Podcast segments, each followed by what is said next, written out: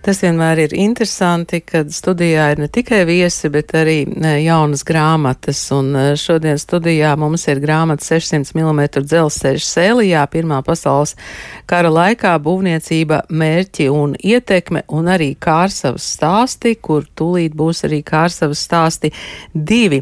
Un šodien studijā Sēlijas kultūras projektu vadītāja Agnes Neja. Labdien! Labdien. Domnīcas Kreatīva muzeuma vadītāja Inets Zelča Sīmansone. Labdien! Labdien. Un Latvijas dzelzceļa industriālā mantojuma eksperts un dzelzceļa vēstures pētnieks Toms Aldbergs. Labdien! Labdien! Nu, tagad man būtu jums jājautā, kā tas viss sākās. Nu, tā kā tad, kad bērni kaujās, kurš iesāka, ja? kurš, kurš iesāka, kurš iedeva to pavadienu, lai sāktos Kārsavas stāsts un lai sāktos arī Sēlijas dzelzceļa stāsts. Jā, droši. Patiesībā tā bija nejauša tikšanās ar Tomu Aldbergu kādā saviesīgā pasākumā. Kārsavas stāsts, ap citu, Kārsavas stāstu pirmās grāmatas atklāšanā mēs eh, satikāmies Latvijas Nacionālajā bibliotekā, un Toms tā rezignēti man saka, nu jā, pat, pat to sēlīs teritoriju jau tur nebūs mm, atrodams neviens izdevējs, kurš varētu tādu projektu realizēt. Un ka viņam jau ir uh, avoti apzināti, un ko tu man tur teici, vēl es neatceros. Un, uh, un tad uh, mums jau bija nodibināta biedrība. Biedrība ir mūsu ģimenes tāds rūpju bērns. Mēs gribējām kaut ko dot šai vietējai kopienai. Un es teicu, nu, es principā nevarēju teikt neko citu, kā tad aiziet un tad uh, sākam ķeramies pie šī projekta. Un tas tā bija 2018. gada nogalē, laikam tā bija. Un laiciņš ir pagājis, bet uh, projekts arī beig, beig, beigās ir realizēts. Nedaudz mums uh, Covid patraucēja, kad mainījās uh, prioritātes finansējuma sadalē, varbūt. Bet varbūt bija laika vairāk pētīt. Jā, bija, bija vairāk laika pētīt, un bija laiks, kad tās fotogrāfijas atnāca, atnāca pie pētniekiem. Man liekas, ka viņi visi regulāri pētīja eBay un meklēja, un paši par savu naudu arī pirka tās, tā, tos attēlus. Un, un tagad mums ir tiešām vairāki tādi attēli, kas šajā izdevumā ir pirmo reizi. Inēta, kā sākās Kārsavas stāsti? Nu, arī ļoti nejauši. Uh, Kārsavas, es izlasīju Kārsavas novada stratēģijā, ka Kārsava plāno uh, attīstīt muzeju. Un es tā kā muzeologs, eh, sazinājos ar, un, un, un vietējais, vietējais cilvēks ir, es nāku no Kārsas, es sazinājos ar Kārsas domu un teicu, vai viņiem ir uh, pētniecība, apakšā pētniecība tai muzeja idejai. Un tā tas sākās 16. gadā. Mēs sākām Kārsas stāstus viens. Un sapratām, toreiz jau nebija ideja par kārsavas stāstiem viens, toreiz bija par kārsavas stāstiem un sapratām, ka principā nekas jau izņemot, ne, nu, nav tā, ka nekas, bet nu, bija novadnieku veikums, bet tāda akadēmiska pētījuma jau nebija. Un tāpēc tie pirmie kārsavas stāsti bija tāds, nu, tāds galapā skrējiens no arheoloģisko vietu apzināšanas Juris Urtāns, Toms eh, Altbergs pētīja dzelzceļa, kārsavas dzelzceļa stacijas vēsturi. Uh, mūža vēsturi mēs pētījām, un tā mēs no, nonācām līdz 20. gadsimtam, līdz, uh, līdz vietējām kopienām. Bet jau tajā brīdī nu, mēs sapratām, ka vienā, vienā grāmatā, vienā pētījumā mēs to neieliksim. Un, uh, Nu jā, un tad, tad, tad, tad 18. gadā, kad mēs izdevām, tad, tad drīz vien mēs arī sākām strādāt pie kārtas stāstiem divi. To man jums jautājums par to industriālo mantojumu. Mēs jau eh, te pirms brīža mēģinājām noskaidrot, kas tas ir, vai jūs varat mazliet tās, tās robežas, kur, kur sākas industriālais mantojums ievilkt. Nu, robežas jau faktiski ir nu, jā, nu, grūti ievilkt. Jā, tad jāsāk jāpārceļās uz Angliju, kur notika tehniskā revolūcija savā laikā. Nu, faktiski jau e, bez industrijas mēs nevaram dzīvot un nevaram attīstīties. Arī līdz ar to tā, tā mantojuma iedziens ir diezgan plašs. E, nu, man personīgi pēdējā laikā e, es esmu pie, piepulcinājis arī, arī cilvēkus, arī tā darba darītājus. Ilgu laiku es nedaudz skeptiski skatījos, jo mums ir tā, tā trauma no padomu laikiem, kad visur bija tā, tie sarkanie dēļi un goda goda dzelzceļnieki un, un, un goda darbinieki, un mēs jau īsti nevarējām izvērtēt, cik tas cilvēks ir vienkārši politiski pareizi bijis un cik, cik daudz viņš ir pienesis, teiksim, šai te nozarei.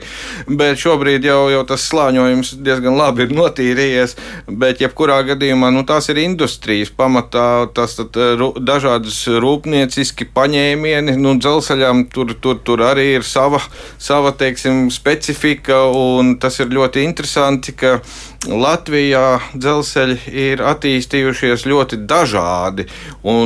Tie ir ārkārtīgi atšķirīgi, tāpēc viņus ir interesanti pētīt. Jo Kārsavā tas ir 19. gadsimta vidus, faktiski, kad ienāca tur dzelzceļš, tur franču inženieri ienesa to civilizāciju tajā, es atvainojos, nostūrī maz, maz apgūtajā toreiz. Ja?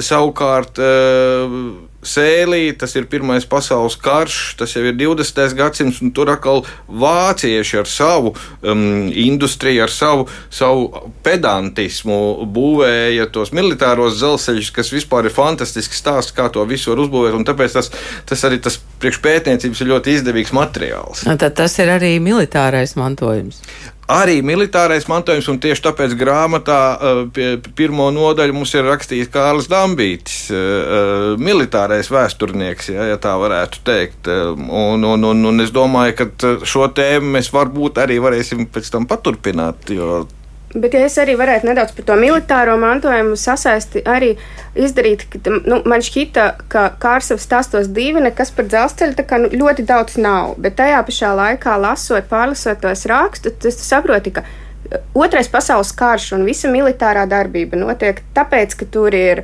dzelzceļa tīkls, tāpēc, ka tur ir uh, šoseju, ja, un ka nu, tie ceļu krustpunkti nosaka arī to, to militāro, militāro darbību izvietojumu un militārās operācijas. Uh, pēc, otrā, pēc Pirmā pasaules kara vēl nu, mēs zinām, ka Latvijā tas karaspēks ir ilgāk un kara darbība.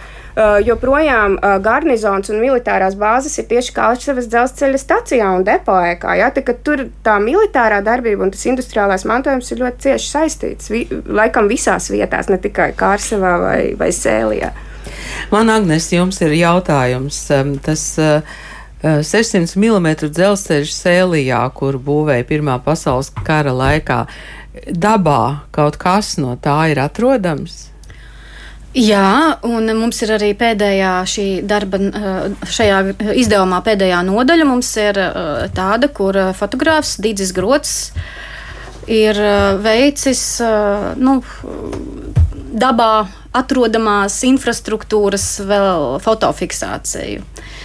Viņš nav vienīgais. Mēs arī paši braucām, braucām pa šīm vietām un fotografējām un pārliecinājāmies. Un, protams, nav iekļauti visi uz, foto uzņēmumi, ko, ko mēs varējām iekļaut izdevumā. Bet, uh, Bet eh, nu, kaut kāds ieskats tajā visā ir, un, un Toms ir šos uzbērums arī eh, raksturojis kā šīm vecajām līnijām piederošas. Tā kā būtībā, ja lasītājs skatīsies uz šiem uzņēmumiem, tad eh, attēlu paraksts viņam ļaus identificēt, kurš, kurš, kura, kura dzelzceļa līnija tā ir. Un es arī gribu teikt, ka arī vietējie ļaudis, es sekoju viņu aktivitātēm sociālajos tīklos, jau izmanto diezgan plaši šos uzbērumus dažādiem uh, pārgājieniem. Un, Vai tas varētu nozīmēt, ka varētu sākties ekskursijas, um, lai pasekotu tam dzelzceļam? Nu, viņas jau principā notiek. Notiek, notiek jau, ja? jau. Viņas jau principā notiek, jā. Varbūt Nu, nezinu, mums bija tāda cerība, ka varbūt ar šo darbu arī ierosināt, ka kaut kādus fragmentus noteikti viņiem zinām tādu aizsardzības statusu, statusu vai vismaz nu, kādu piemiņas tur zīmi uzlikt. Tas varētu būt stacijām?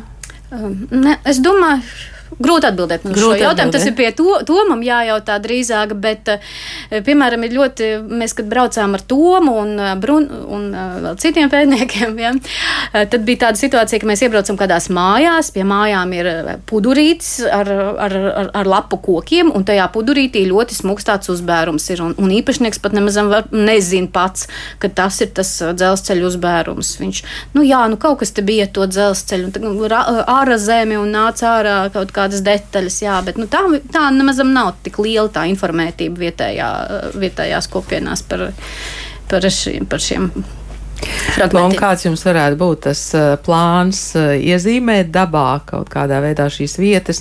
Nu, kur zemē mēs esam pamanījuši tos uzrakstus, kur ir laikam mazirbas stacija, ja?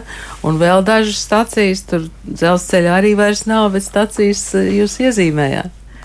E, jā, nu, plāns varētu būt, bet pirmkārt es vēl gribēju pieminēt, ka ir grāmatā vēl viens līdzautors, Aivars Markots, e, e, zinātņu doktors. Tieši pamat, pamata viņa tēma ir kartogrāfija. Un tieši pateicoties viņam, mēs tagad to varam sākt darīt. Jo līdz tam mums bija tādas vispārējas schēmas, arī vācieši, nu, lai cik arī pedantiski viņi nebūtu, bija kartēs. neatstājums. Ja? Ne, ne, šo to bija atstājuši arhīvā, šo to, diemžēl, bija pazaudējuši, šis tas ir zudis jau. Bet arī tas, kas ir atstāts, viņi tur zīmējuši. Bet, nu, tos augurus mūsējos viņi nav līdz galam izpratuši. Izrādās, ka dzelzceļš gājis pa otru pusi, viņi iezīmējuši kartē pa pretējo e, kalnam apkārt. Jā, tā kā tādas kuriozas situācijas bija, un e, Aivars Markots mums ir e, izvilcis visu, man, manuprāt, maksimālo, lai mēs tagad reāli tiešām dabā varētu saprast, vismaz to vietu, zināt, kur tas dzelzceļš ir gājis. Tālāk, nākamais process, es gribētu mest tagad akmeni uh, vietējo iedzīvotāju, uz sēliju, vai, jā, uz sēliju, uz viesītas muzeju, un varbūt arī vēl kaut kur kāds pamodīsies, jo tas sākuma centrs nebija viesītē dzelzceļa, bet eglainē, uh, tuvāk īlūkstei, jo tur bija visintensīvākās kaujas Pirmā pasaules kara laikā. Uh, varbūt tur kāds atradīsies, kurš šo darbu varētu veikt. Jo nu, no Rīgas jau ir viegli, vai ne pateikt, ej, tur dar to, eh, bet pašam aizbraukt eh, nav nemaz tik viegli. Jā, jābūt ir kaut kur uz vietas cilvēkam, kas, kas ar to nodarbojas. Mēs esam gatavi visus šos materiālus dot bez maksas, bez nekādiem konsultēt. Ja vajag braukt nu, divas reizes gadā, trīs reizes gadā, vienalga, nu, nu, aizbrauksim, atradīsim to naudu, kaut gan benzīns tagad dārgs. Bet vienalga, jā. Pa dzelzceļu. jābūt kādam uz vietas ir tam aktīvistam. Mm, nu, tas šausliešu dzelzceļš jau vairāk nav pa placliešu dzelzceļa drezīnām. Mums tā mazliet grūti. Ir sarežģīti, bet jūs padomāsiet. Jā, mēs padomāsim. Inēt, vai um, ar tiem kārsavas stāstiem uh, tie detektīvu stāsti jau ir tā kā izsmelti, vai, vai jūs pieļaujat, ka būs vēl? Nē, nē, nu es pieņemu, ka viņi nāk un nāk laukā. Es, da, nu, jā, Uh, mēs sākām, es sāku stāstīt, ka tur ir akadēmiskie pētnieki un industriālā mantojuma pētnieki, kas to ir darījuši. Bet mums ļoti svarīgi gan pirmajā daļā, gan arī šobrīd ir tie vietējo stāsti. Un tie vietējo stāsti, uh, tie ir par, principā viņi nāk laukā viet, vietai, apzinoties savu vēsturi. Man šķiet, ka tas ir svarīgākais devums no šiem visiem uh, reģionu projektiem, kad vietējie savu vietu ierauga kā kaut ko nozīmīgu. Jo, ja jūs man pirms gadiem prasītu, kas Kārsavā nozīmīgs, arī es teiktu, nu, pāris baznīcas, divas baznīcas kopā, katoļi un tam līdzīgi. Bet tad šo grāmatu izlasot, arī katram vietējam top skaidrs, ka varbūt tas mantojums ir tā nedaudz nepieklājīgi aizmirsts kultūras mantojums, bet tur ir tik daudz stāstu. Un tagad jau otrajai grāmatai mēs esam, ja mēs pirmajā grāmatā prasījām tikai, eh, tikai fotografijas no, no vietējiem, tad arī man nekā nav, man nekā nav. Un tad, kad iznāk grāmata, nu man taču arī mājās bija. Un tad otrajam mēs izdomājām, ka mēs papildināsim to arī ar vietējo stāstiem, un otrajos kārsavas stāstos ir 20 kārsaviešu, esošo vai bijušo stāsti par laiku no otrā pasaules kara, no padomu laikiem, starp citu arī par telegrāfiem un ko, lokatoriem, ko es iedomājos, ka tas arī ir industriālā kultūras mantojuma. Tikai šodien, starp citu, es to iedomājos, ka mēs paplašinām. Ieraudzījāt to mūziku. Ieraudzīju to un sapratu, jā, ka mēs arī paplašinām tomēr arī šo, šo mantojumu jomu. Un jā, es domāju, ka tā lielākā vērtība un tie detektīvu stāsti, viņi nāk laukā. Vienīgais, ko tiem vietējiem šeit ne, neliela kritiska atzīme, ka viņiem ir jāapzinās, ka tas mantojums ir jākopja. Nu, bet kādam ir jābūt tam uh, garainim, kas veicina vārīšanos, ja? kā teica Ziedonis? Jā, jā, un tāpēc par nākotnes plāniem runājot, varbūt atkal sasaistot ar Tomu, mēs savukārt ar Tomu, es gribu pateikt skaļi, lai mums nav atkāpšanās ceļa. Uh, mēs ar Tomu runājām, ka savukārt tajā Kārsavas, Kārsavas pusē, bet ne tikai, tas jau arī Rēzaknes novadā ieiet, ka mēs varētu mēģināt nodokumentēt no Kārsavas stācijas, kas ir Bozava kā apdzīvota vieta, līdz Maltai. Un kāpēc Maltai? Tāpēc, ka, kā Toms atklāja, tur ir skaistākā, vecākā bufete, vai ne? Es vēdienā aizbraucu paskatīties. Tā stācijas bufete? Jā, jā vēl saglabājusies. Jā. Un ka mēs varētu tiešām dabā viņus kā, iedokumentēt, kamēr viņi tur ir. Jo Bozavā ir vesels ciems vēl. Atsevišķās stacijās, arī mežvidos, ir piemēram ļoti skaista dekorēta tolete.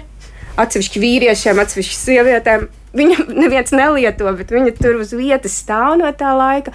Un ka mēs to varētu iedokumentēt un papildināt arī ar vietējo stāstiem, ko viņi vēl atcerās no šiem laikiem. Tas, tas, būtu, tas būtu tas viens detektīvs, kas mums ir priekšā.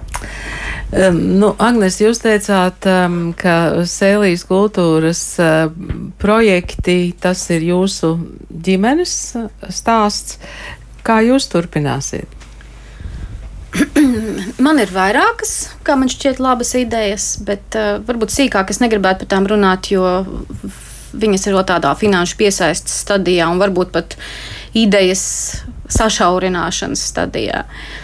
Uh, bet mēs uh, ar Tomu jau diezgan reāli domājam par to, kā sēlijas mazbānīti iekļaut tādā Latvijas dzels, militāro dzelzceļa tīklā un uh, kā Toms arī uzsvēra pirms mūsu sarunas, ka bija arī vācu karojošajai pusē bija tā pretējā Krievu puse, un viņi arī būvēja šausliešu dzelzceļus. Un, Ir vērts paskatīties uz šo Pirmo pasaules kāru un neatkarības kāru tieši no dzelzceļa tādas vēstures viedokļa, kā Nu, dzelzceļa vēsture patiesībā nozīmē arī to, kāda notika kustība. Jā, kā. jā kādi bija strateģiskie mērķi šajā teritorijā un uh, varbūt kā viņi tika vēlāk izmantot. Es pat mazam nezinu, varbūt vēl otrajā pasaules karā tika izmantoti šārsliešu dzelzceļi vienā vai otrā pusē. Par to, par to nav man nekāda ziņa. Tika, nu, jā, nu, var, varbūt uz to karu mēs pēdējā laikā baigi koncentrējamies, bet, un, diemžēl, tie notikumi rāda, ka tas, tas, ka tas, tas ir, ir svarīgi. strateģiski svarīgi. Jā, jā. jā. E, Tom, jūs e, caur to dzelzceļa prizmu skatāties uz industriālo mantojumu šobrīd? Jā, es vispār caur dzelzceļa prizmu daudz ko skatos. Tā man dzīve ir iegrozījusies. Bet, bet eh, nu, dzelzceļā mums vēl pirms pāris gadiem bija kaut kur, ja nemaldos, 520 dažādas profesijas. Jā, tāpēc dzelzceļš nav tikai sliedes un, un lokomotīvas. Nu, nu, dzelzceļš ir dzīves pamats un vismaz kādreiz arī industriālās revolūcijas pamats. Tāpēc man ir viegli skatīties tādā veidā.